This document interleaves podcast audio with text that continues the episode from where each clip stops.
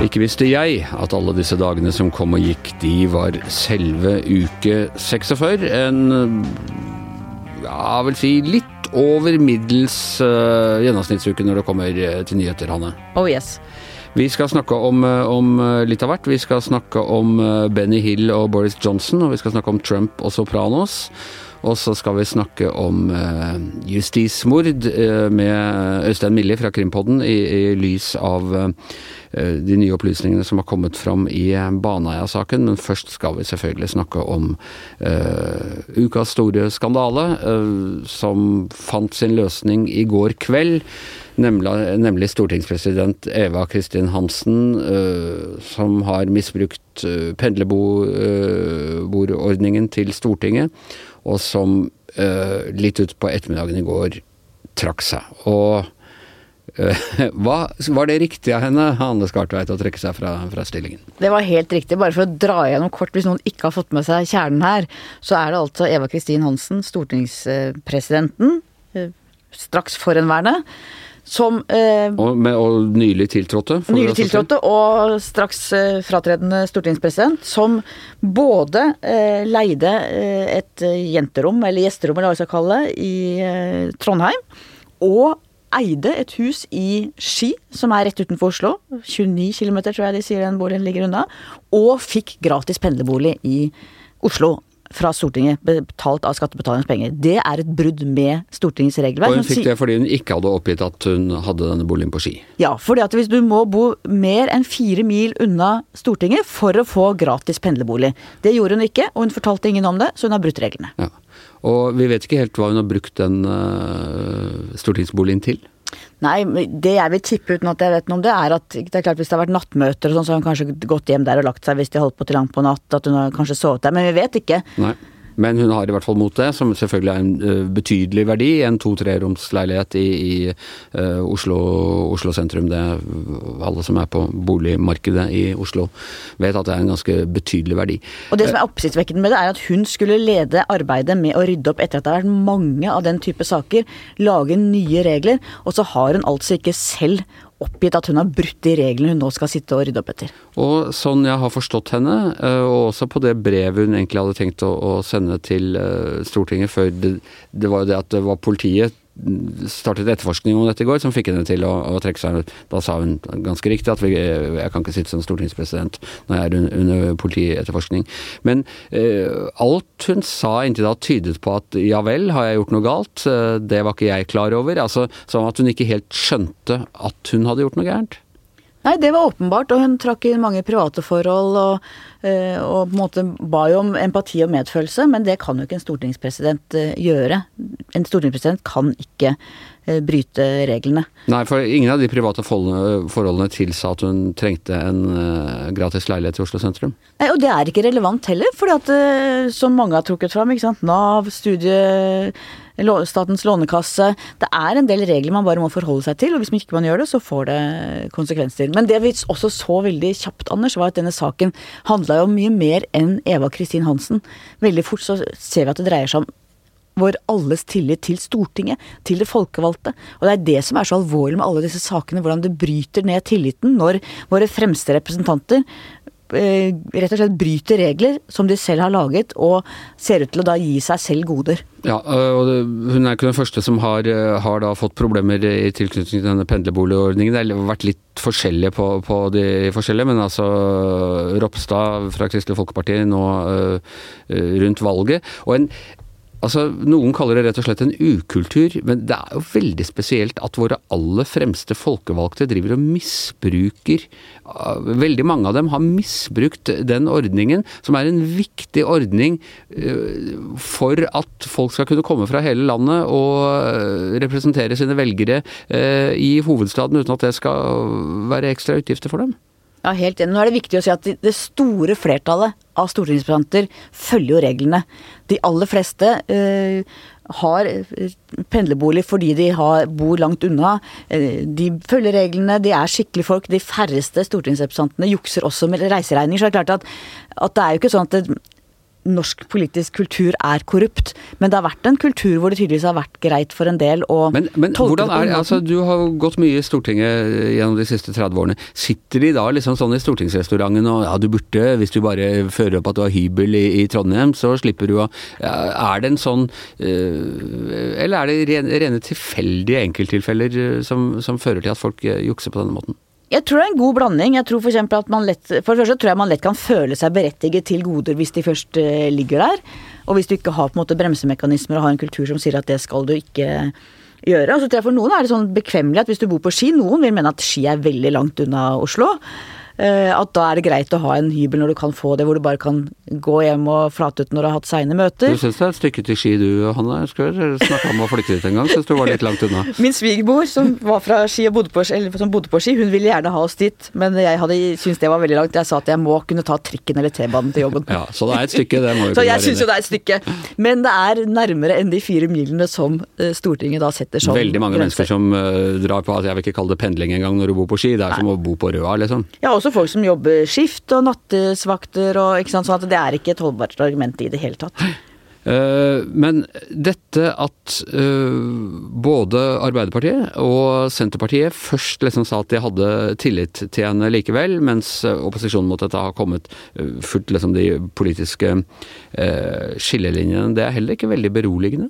Nei, for det betyr at du liksom slutter opp om personen, at det er partitilhørighet som avgjør. Der syns jeg faktisk Sylvi Listhaug har vært veldig god. for Hun har sagt at vi må ta et oppgjør med dette.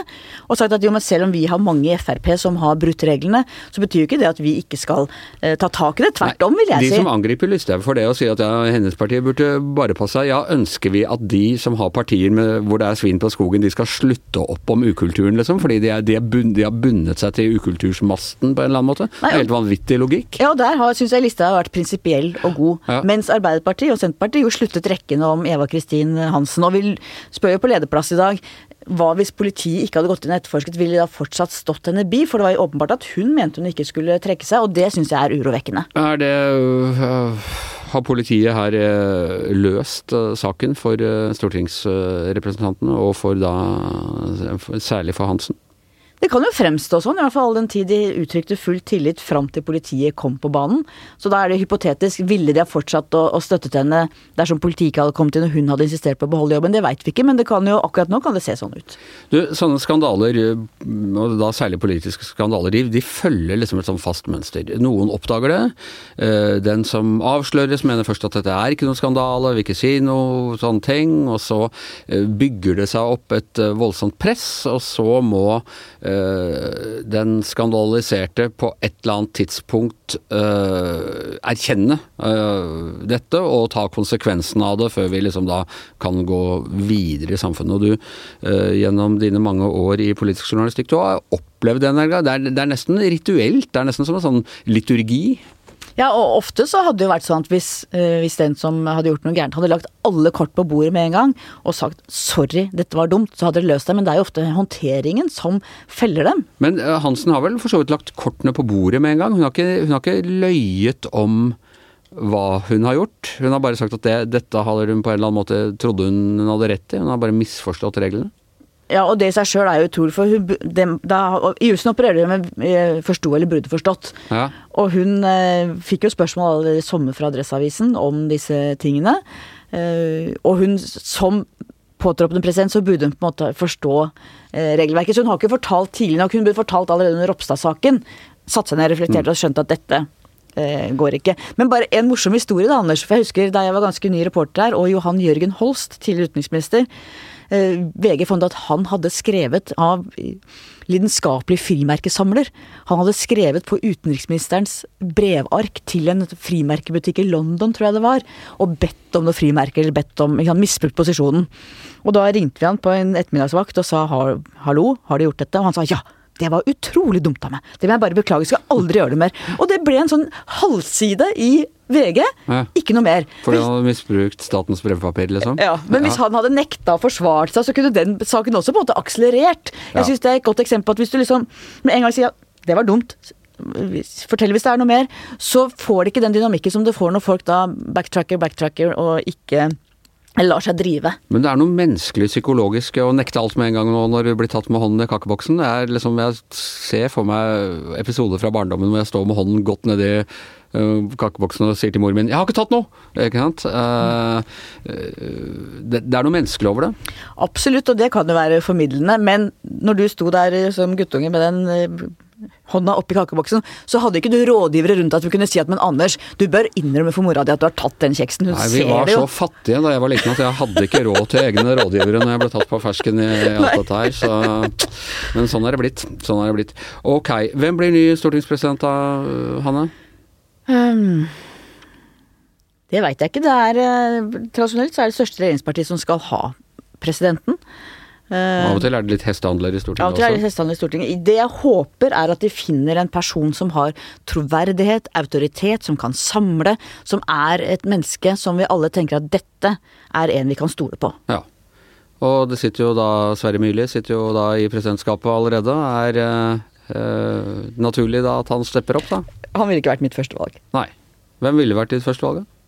Jeg syns jo faktisk at Rigmor Aasrud er utrolig stødig, tillitvekkende. Hun er nå parlamentarisk leder. Men Hun er parlamentarisk leder. Jeg tror Arbeiderpartiet trenger henne veldig der til å forhandle og deale for at hvis det er noe de virkelig trenger, så er det en parlamentarisk leder som kan forhandle til, med alle de andre partiene. En som har tillit, det har hun. Ja. Men hun eh, tenker jeg at det ville vært den aller beste. Men jeg ja. tror ikke det, de vil ikke gi slipp på henne til det, tror jeg. Nei. Nei. vi skal få litt å holde på med i eh, tiden framover med det også.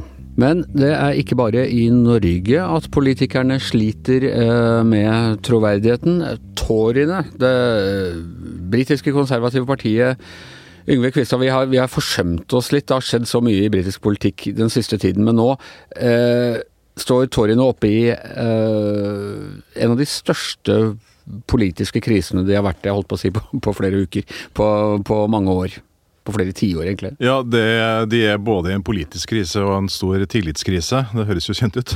Ja, det eh, henger det, ofte sammen. Ja, det, altså det, er den største jeg vil si at det er den største og mest alvorlige krisa i britisk politikk på over 30 år. Eh, og det som skjer nå i disse dager i Storbritannia, det er jo nærmest som et ekko av, av det som hjemsøkte Torypartiet på 1990-tallet under John Major, da det var den ene sleaze-skandalen etter den andre. Hva slags sleaze-skandaler er det de har hatt nå? Nå er det jo hovedsakelig økonomisk snusk. da. I, på 90-tallet så handla det litt om, ikke bare litt, det handla mye om om seksuell aktivitet, og gjerne med personer som disse eh, parlamentarierne ikke var gift med. Eh, som da nådde fram til avisenes eh, forsider. Det sånn som prøvde å kvele seg selv med en appelsin i munnen? Det var det også. Uh, men nå så er det Nå går jeg mer på politikk, og det er veldig mye som handler om økonomi. Og det er dette kjente uh, fenomenet igjen, da, at eh, politikerne synes å ha laga én lov som gjelder for folk flest, og én lov som gjelder for dem. Og hva slags, hva slags type ting er det? Er det sånn korrupsjon eller underslag eller triksing med hybelreglene? Det er faktisk alle disse tingene her. Den store saken og det som egentlig utløste noe, det var jo uh, en venn av Boris Johnson som heter Owen Patterson, som uh, har hatt uh, en god del jobber på si mens han også har vært parlamentariker.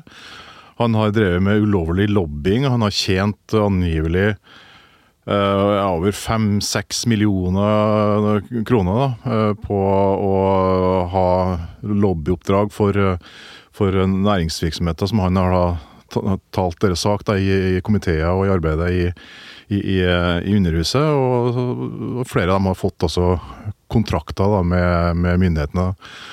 Og det her ble jo avslørt ganske grundig uh, for, egentlig for flere uker siden. Men så, da han skulle stå til rette for dette i parlamentet. Det er ikke første gang det skjer, og de har en sånn prosedyre for hva som skal skje når hvis en person blir tatt på den måten her, og, og det er jo hovedsakelig brudd på lobbybestemmelsene. Så er det følge en 30 dagers eh, suspensjon, og så er man tilbake igjen eh, i det gode selskap. Men i tilfellet her så slo Boris Johnson seg fullstendig vrang, og man skjønner egentlig ikke hvorfor det. For normalt sett, som sagt, så ville han ha fått 30 dagers suspensjon, og så ville han vendt tilbake igjen. Men nå eh, fikk Boris Johnson for seg at han skulle beskytte den her fyren. Så da det kom da, til en avstemning i parlamentet, så ville han heller ha eh, en ny gjennomgang og lage en ny lobbylov. Eh, der da Owen Pattersons sak skulle settes, eh, stilles i bero inntil videre. En Lex Patterson, liksom? Nettopp. Eh, og så skulle man da eh, finne nye måter å se på dette her, da. Og det var jo opplagt at det her var bare for å berge, unnskyld uttrykket, ræva til han eh, parlamentarikeren. Stumpen, sier vi her i evre Engen. Stumpen, sier vi kanskje, ja. Uh, og det var jo også veldig forsmedelig, for når det da kom da til avstemning i, i parlamentet om, om denne nye loven, da, hvor de skulle se på disse nye uh, tilfellene, så, så brukte jo Boris Johnson partipisken. Tvang uh, Torjan inn til å stemme for sitt forslag. Eh, hele 38 avsto fra stemme, hun møtte ikke opp. 16 stemte vel imot. Eh, og, og det var bare så vidt at det fikk, fikk flertall, da. Og endskapen var jo at han var bare nødt til å snu eh, dagen etterpå. Eh, og etter det så har det bare gått fra vondt til verre. For at Boris Johnson burde jo selvfølgelig da sagt beklager. Han skulle lagt seg helt flat. Jeg tok feil, jeg bomma. Dette var en, eh, både en politisk feiltagelse og en strategisk uh, miss, ikke minst.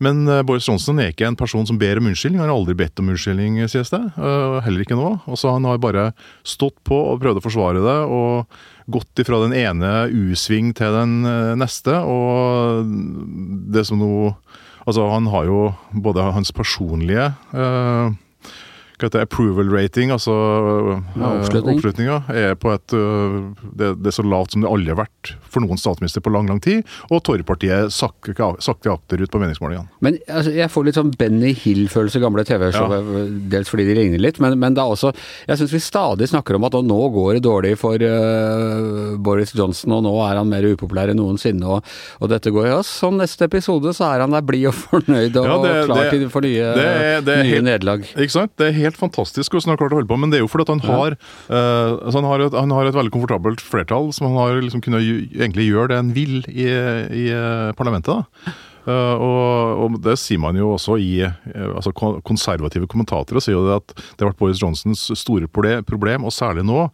det at han han, han er så vant til å få det som han vil. Han er så vant til å lande på beina. Han har, han har liksom sånn lygge og bedratt og holdt på, men lander på beina. Og det har gjort at han, han har blitt uforsiktig. Han, han, han skaffer seg ikke allianser. Uh, han gjør ikke the legwork, fotarbeidet, i, i parlamentet og skaffer seg de, eh, de, de Grunnarbeidet, de, de, stemmene han trenger osv. Så, videre. så han, uh, han er i ferd med å eh, frykte mange da, på hans side, og at han- det er i ferd med å spille seg sjøl ut av, av sidelinja. Og da er det jo alltid både én og to som står klar i Men vil han, vil han overleve også denne episoden og være, starte på ny fri, frisk igjen i neste Nei, altså, episode? det, det, det er ikke like sikkert. For nå har de begynt å rasle med sablene i det som kalles 1922-komiteen. Som er en komité av eh, backbenchere. Eh, Det er en sånn sikkerhetsforan- a- a- de har i konservative partiet. Eh, For å holde frontbencherne, altså, de som, altså regjeringsmedlemmene og de mer prominente, holde dem i ørene. Um, Sånn at hvis det kommer et visst antall brev inn til denne 1922-komiteen, uh, så kan den forlange at parlamentarikergruppa samles, og så kan de stemme over om det skal holdes nyvalg av leder i Torrepartiet. Og Høres litt ut som, som han kan kreve en nyvalg av stortingspresident i Norge. Ja, og, men, og, og skjer det at han får flertall, så må, så må det, det konservative partiet, partiet ha ekstraordinært landsmøte, og så velge en ny leder, da. Hva tror du? Nei, jeg registrerer at uh, folk som er tettere på makta i Storbritannia og skriver uh, kommentarer i The Daily Telegraph og Spectator og sånne konservative politiske magasin og aviser, for første gang egentlig stiller det helt åpent om at kanskje, kanskje har han gått for langt den gangen her. Ja. Så det, Jeg tipper det blir et par episoder til, men uh, Ja, det er bare tror- for ren feeling. jeg tror nok det, men samtidig så er det klart at det er en person som heter Rishi Sunak, som nå er, er finansminister, som driver og posisjonerer seg her. Eh, og som faktisk flere har sagt at han har gjort alle de riktige tingene så langt. Han har ikke tråkka på et eneste råttent trinn i stigen. Nei. Eh, så han er plutselig veldig valgbar, hvis det skulle være sånn at, eh, at Boris må gå. Og det som skjer nå, det har, det, det har ekko, det som har skjedd før. Det skjedde med Edward Heath, det skjedde med, med Maggie Thatcher, og det skjedde med John Major. Det blir spennende å se når dette kommer i The Crown om eh, 40-50 år. Du, vi skal gå fra, fra Benny Hill til Sopranos, holdt jeg på å si. Uh, I USA denne uka så ble Steve Bannon pågrepet av FBI. Steve Bannon er, som vi husker, var en av Han var sjef for siste del av uh, Trumps uh, valgkamp i 2016. Mannen som er tilskrevet æren eller ansvaret for at Trump ble valgt. Han var spesialrådgiver for Trump lenge i Det hvite hus. De røk uklare, men de ble nå venner igjen på slutten, og han har vært innkalt til denne komiteen i Kongressen som skal uh, finne ut hva det var som skjedde 6.1, da en uh, mobb uh, stormet Kongressen for å stoppe gjennomføringen av det demokratiske valget.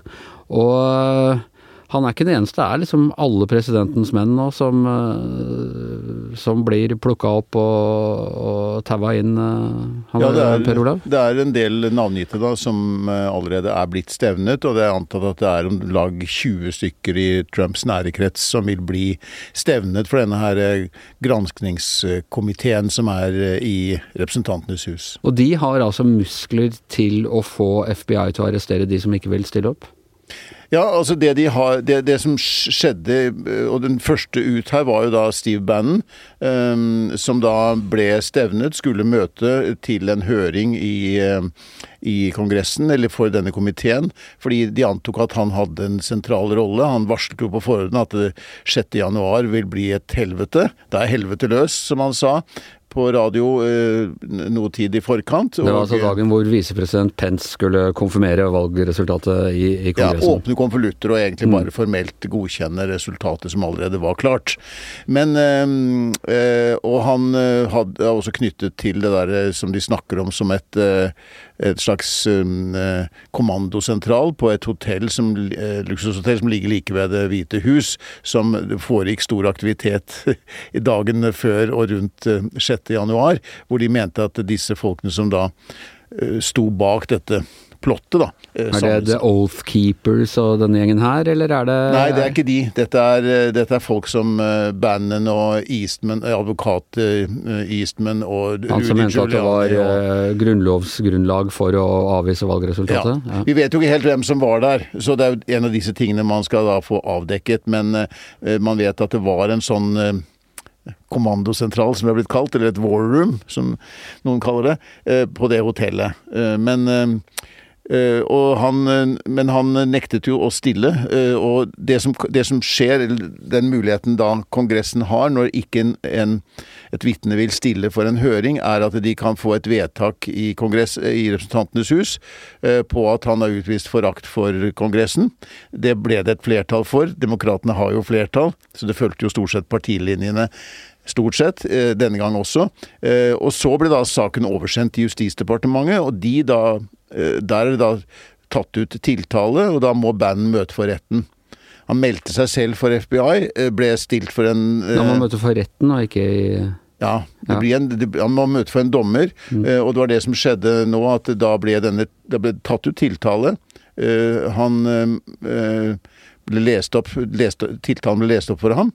Uh, og uh, så blir han da løslatt, uh, men han får ikke lov til å forlate landet, og han må si fra hvor han er og sånne ting, og inntil rettssaken kommer opp. Ja, Men må han forklare seg for Kongressen, eller er det han, det, det er litt sånn uklart, egentlig, fordi at han nå må han i første omgang forklare seg for retten, ja. Eh, og så spørs det når dette rettssaken kommer opp. Men eh, det er ikke sikkert det så, tar så veldig lang tid. Dette er forakt for Kongressen, altså, som han er tiltalt for. Det er veldig sjelden brukt. Men det er veldig mye som er lite brukt når det gjelder den forrige administrasjonen. Jeg ser det stadig historisk presedens. Men hvordan går det med, med denne komiteens arbeid? Finner de ut noe, eller er det bare sånn at de har en masse motvillige vitner som får omtrent nekter nekter å, å forklare seg? Altså, De har jo eh, jobbet nå fra sommeren av og utover høsten og, og innkalt en rekke vitner som da ikke har, som, eh, som ikke er knyttet direkte til nær Trump. Eh, og, og Det er mer verdt andre vitnemål. De, de, setter jo sammen en, en, De forsøker å sette sammen brikkene i dette puslespillet og få et, et, et, et, totalt bilde til slutt.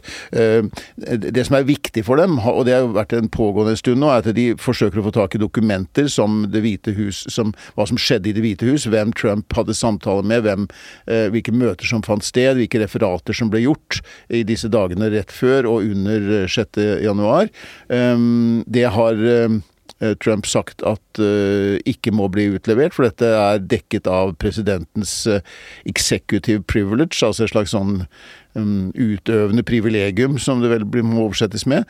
Men det spesielle her er jo at han er jo ikke president lenger, og Nei. da gjelder det da. Og det er en juridisk nøtt, da. Hans advokater sier jo at selv om han ikke lenger er president, så kan man anføre det. Men uh, Biden har jo sagt at disse dokumentene kan dere bare komme og hente. Men uh, dette vil da til slutt Altså en ting er rettssaken mot Biden, altså, men, men komiteens arbeid, det blir det overført på TV, forresten? Det er jo ofte med sånne høringer. Noe av dette har gått på TV til nå, men det har jo de, de mest interessante man har, man, man har jo f.eks.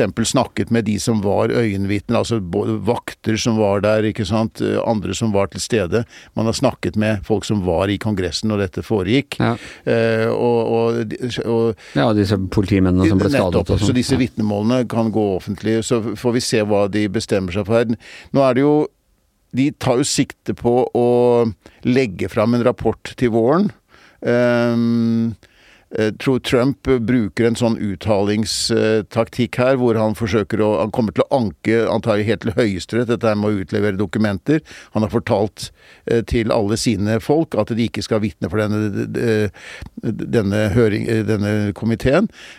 Og dette er en form for uttaling for å trekke det ut i tid. Nå klarer han å trekke det ut helt til et år, et år nå, så er han gjennom the midterm election, så da er det kanskje annen, et annet flertall i Kongressen. Som da kan legge ned hele komiteen. Ja.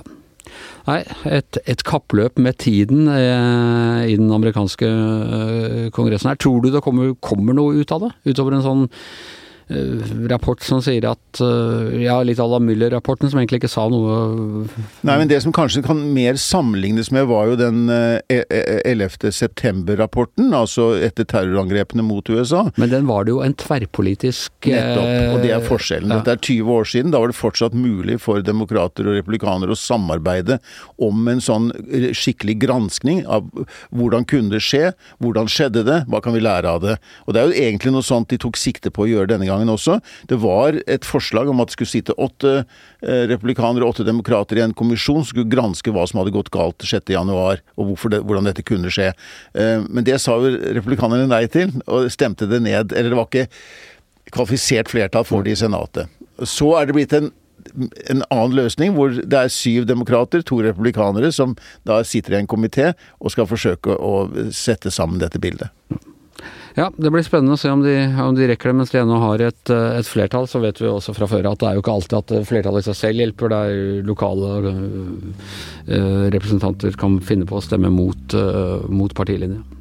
Uh, en annen av ukas store nyhetssaker er at det er funnet nytt, eller Det er eh, gjort nye analyser av gammelt eh, materiale fra Baneheia-saken som knytter Jan Helge Andersen enda sterkere til, eh, til begge de to forbrytelsene som han og Viggo Kristiansen ble, ble dømt for i sin tid.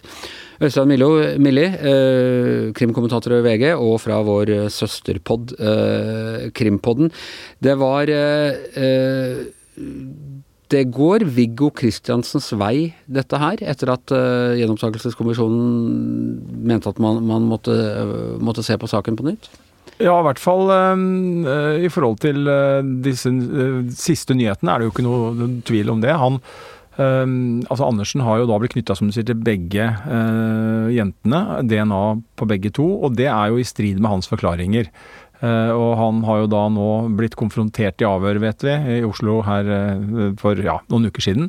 og har jo sagt at han da må ha hatt et blackout fordi han klarer ikke å huske at det er sånn, men forholder seg vel da, etter det vi skjønner, til de tekniske bevisene.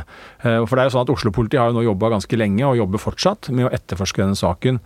Eh, i den grad det er mulig, så lenge etterpå. Forsøke å finne, ja, gjøre nettopp dette, da. Nye analyser på DNA, og se hvor langt man kan komme med tanke på hovedmålet. Og få et svar eh, om hva som skjedde i Baneheia, hvem som gjorde det, og for, kanskje få satt et punktum i den forstand eh, i denne saken. Vet vi om han fortsatt eh, hevder at Viggo Kristiansen var med? Ja, han gjør det. Han står fast på forklaringa om, eh, om sin tidligere bestevenn Viggo Kristiansen, og at han var med ham. Så har jo ikke vi hatt fullt eh, eh, er ingen, Pressen har ikke hatt fullt innblikk eh, så langt i eh, avhørene. Det kommer ut bruddstykker.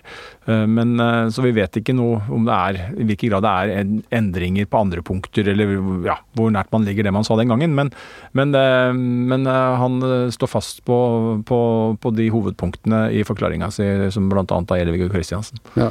Vi skal være forsiktige med å spekulere der, men jeg må jo si altså denne høsten øh, Først kommer det da altså øh, DNA-funn som knytter en helt annen person til drapet på Birgitte Tengs enn en fetteren hennes, som øh, i, sin tad, i sin tid var, var tiltalt og, og ble, ble frikjent, men som ble dømt i en sånn sivil eh, erstatningssak. Nå eh, nye DNA-funn som da, eh, om ikke frikjenner Viggo Kristiansen, i hvert fall styrker hans eh, forklaring.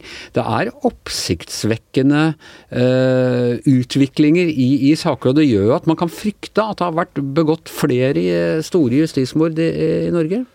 Ja, og det er jo veldig viktig at man nå tar tak i disse gamle sakene og undersøker dem grundig og gjør etterforskning både for å avdekke hvem som er gjerningsmann eller gjerningsmenn, eh, og så også tar den testen på det arbeidet som ble gjort for da 20-25 år siden. Så er jo Tengs-saken, eh, vil jeg si, helt i en egen klasse fordi at i negativ forstand. Fordi at der er jo avhørsmetodikken Den skiller seg jo klart ut fra alle andre saker som jeg har vært borti, i hvert fall, på samme tidsperiode, så har ikke jeg sett noen avhørsmetodikk som har vært lik eh, en sånn eh, manipulativ eh, tilnærming som vi vet gal, bar veldig galt av sted. Han kalte det en tilståelse, men det var vel egentlig ikke formelt sett det engang. Nei. Og så er det jo det å si, ikke sant. Og det, det er jo, tenker jeg er sånn for oss alle som har- driver med dette faget. og prøver å ja, belyse og undersøke og, og, og mene noe om hvem som kan ha gjort hva, så er det klart at man skal jo eh, ta inn over seg at øh, eh, for fetterens del så, så brakte jo politiet frem noen såkalte støttebevis. At han hadde hatt en oppførsel som var litt eh, ja, utagerende mot jenter. eh, at han hadde hatt noen avvik i forklaringa si. eh, at han hadde noen sånne voldsomme skjelvinger, eh, ristinger. eh, var, vel, var det én eller to anledninger, i hvert fall jeg tror det var i forbindelse med begravelsen. Som jo ble sett på som sånn derre hem, hem, hem, hem. eh, dette Mistenkelig mistenkelig. oppførsel. Ikke sant? Ja. Og så hadde man jo ingen tekniske bevis. Ikke i det hele tatt. Eh, men man hadde da etter hvert denne famøse tilståelsen. Så, så det er klart at eh, det også, det også ha, få en, eh, også en diskusjon om beviskrav og bevistyngde, det er jo viktig. Og det er jo det å si også at en del norske rettssaker fortsatt, så er det jo sånn at det, det, det kommer jo dommer uten at det forefinnes et liksom, enkeltstående fellende bevis eller en tilståelse. Det er jo en del saker fortsatt, og sånn vil det sikkert være, og må det være, hvor man må se på et samla bevisbilde, og hvor eh, da selvfølgelig også kan bære galt av sted hvis man tolker det samla Når bevis. tiltalte blånekter og ja, han eller hun blånekter, og eh, man har da noen, kall det en indisiekjede, en beviskjede, og så skal man si om den er ja, altså Eirik Jensen-saken er jo en, en sånn. eh, Bertheussen er en sånn. Orderud var i sin tid en Ja, sånn. jeg må jo spørre deg om Orderud. Er det, eh, du er den eh, antagelig utenfor politiet som kjenner den saken best.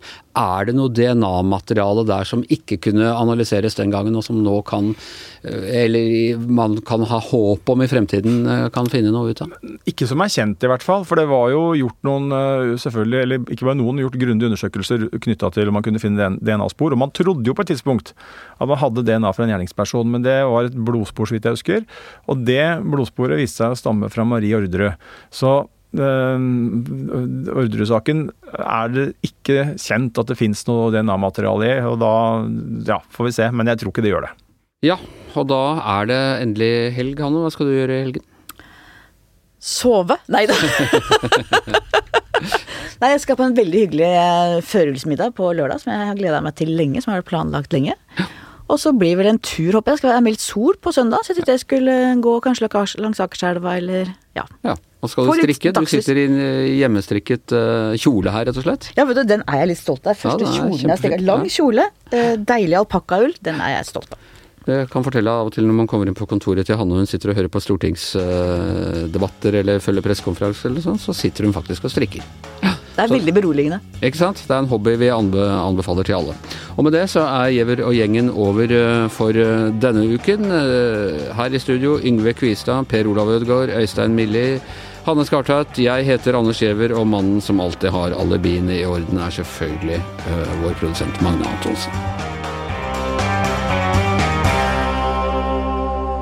Du har hørt en podkast fra VG.